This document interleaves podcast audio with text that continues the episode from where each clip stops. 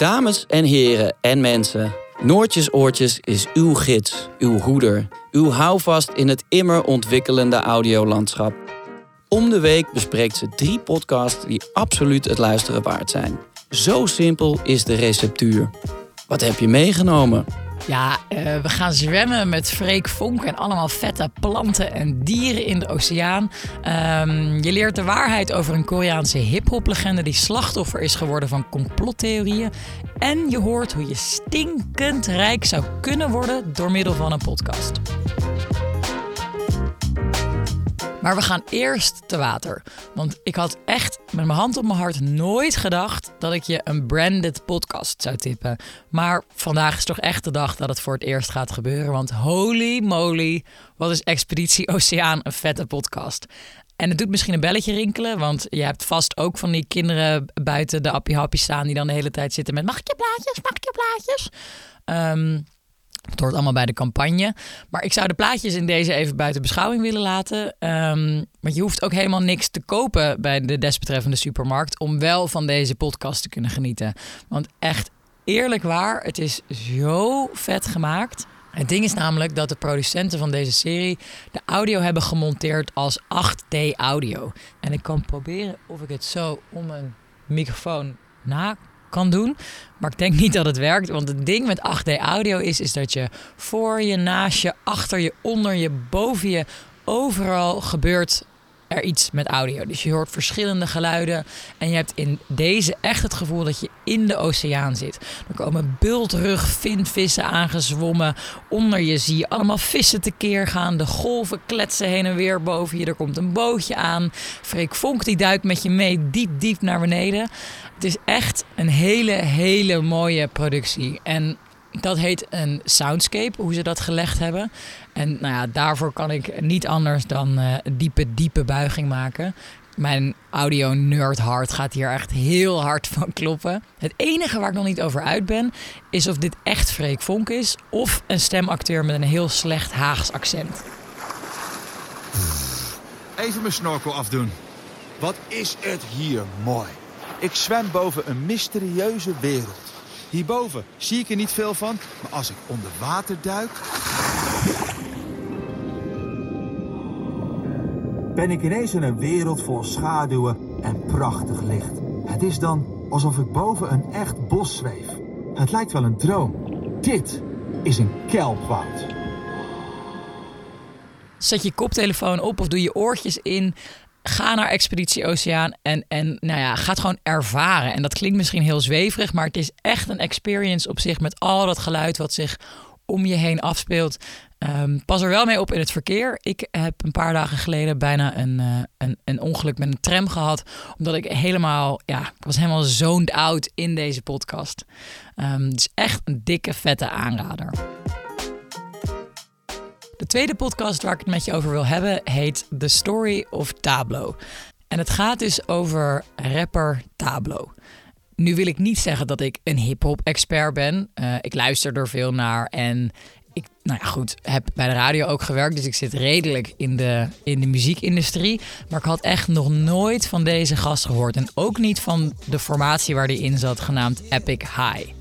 Maar het feit dat ik nog nooit van hem had gehoord, heeft denk ik toch echt aan mij gelegen. Want het was bepaald geen kleine onbekende artiest.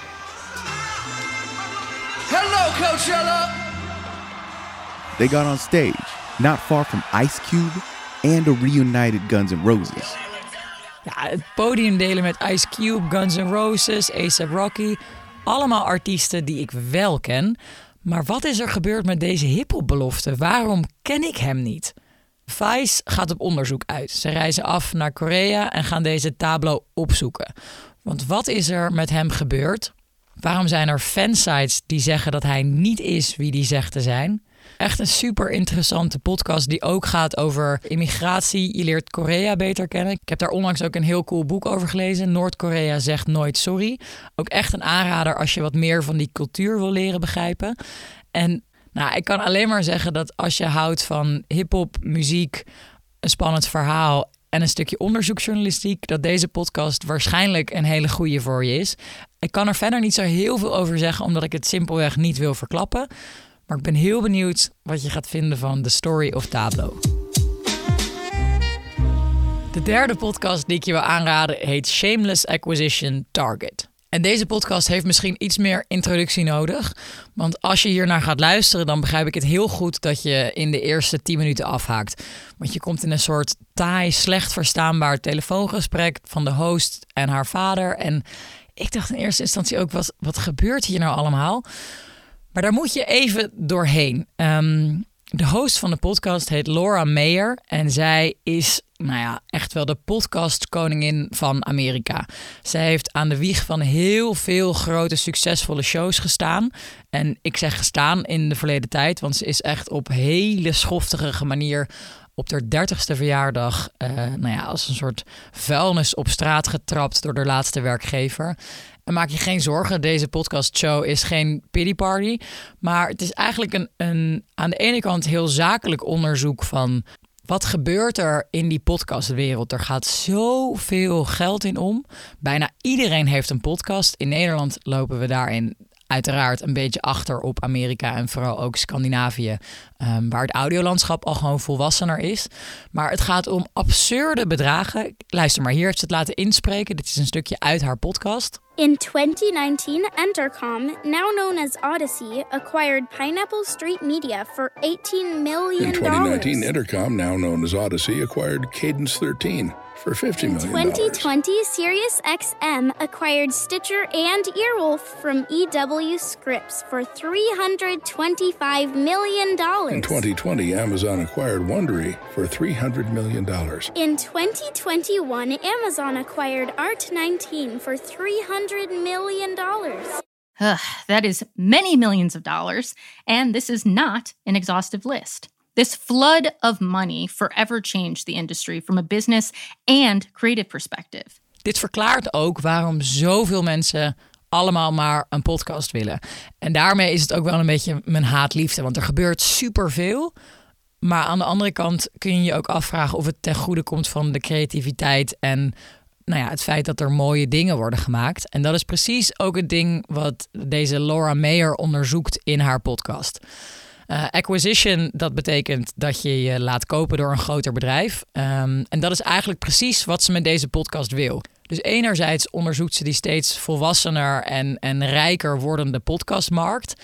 Maar aan de andere kant zet ze ook zichzelf te koop en haar podcast. Want ze heeft heel veel mensen om zich heen, oud-collega's, andere podcast, bedrijven voor wie ze gewerkt heeft, gezien die allemaal opgekocht werden voor heel veel geld door hele grote bedrijven.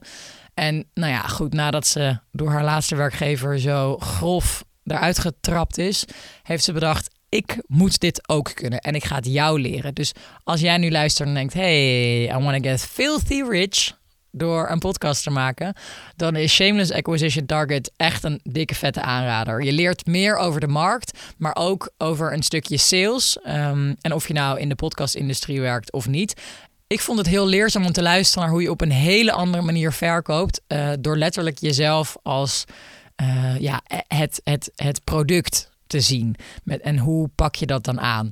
Um, de hele reis die Laura maakt in de podcast draait eigenlijk maar om één ding. En dat is het grote grijze huis aan het einde van de straat. Zo met haar man en eenjarig dochtertje in een huurwoning. En dat grote grijze huis is er droom. Ze wil dat huis kopen. Maar of het er lukt en of ze de podcast verkocht krijgt, daarvoor zul je toch echt moeten luisteren naar deze serie. En wat ik al zei, luister alsjeblieft een beetje door de soms rare zijpaadjes heen. Want in de basis is het echt een super interessant verhaal. Waarmee je beter leert hoe podcasting in elkaar zit. En waarom het niet normaal is dat shows altijd maar gratis zijn en voor iedereen beschikbaar. Mocht je overigens luisteren en denken: hey, is Noortjes Oortjes ook te koop? Eh, daar kunnen we natuurlijk gewoon uh, over praten. Goed, voor nu een heel fijn weekend. En over twee weken een nieuwe Noortjes Oortjes, de podcast. Niks missen? Volg dan ook Noortjes Oortjes op Instagram.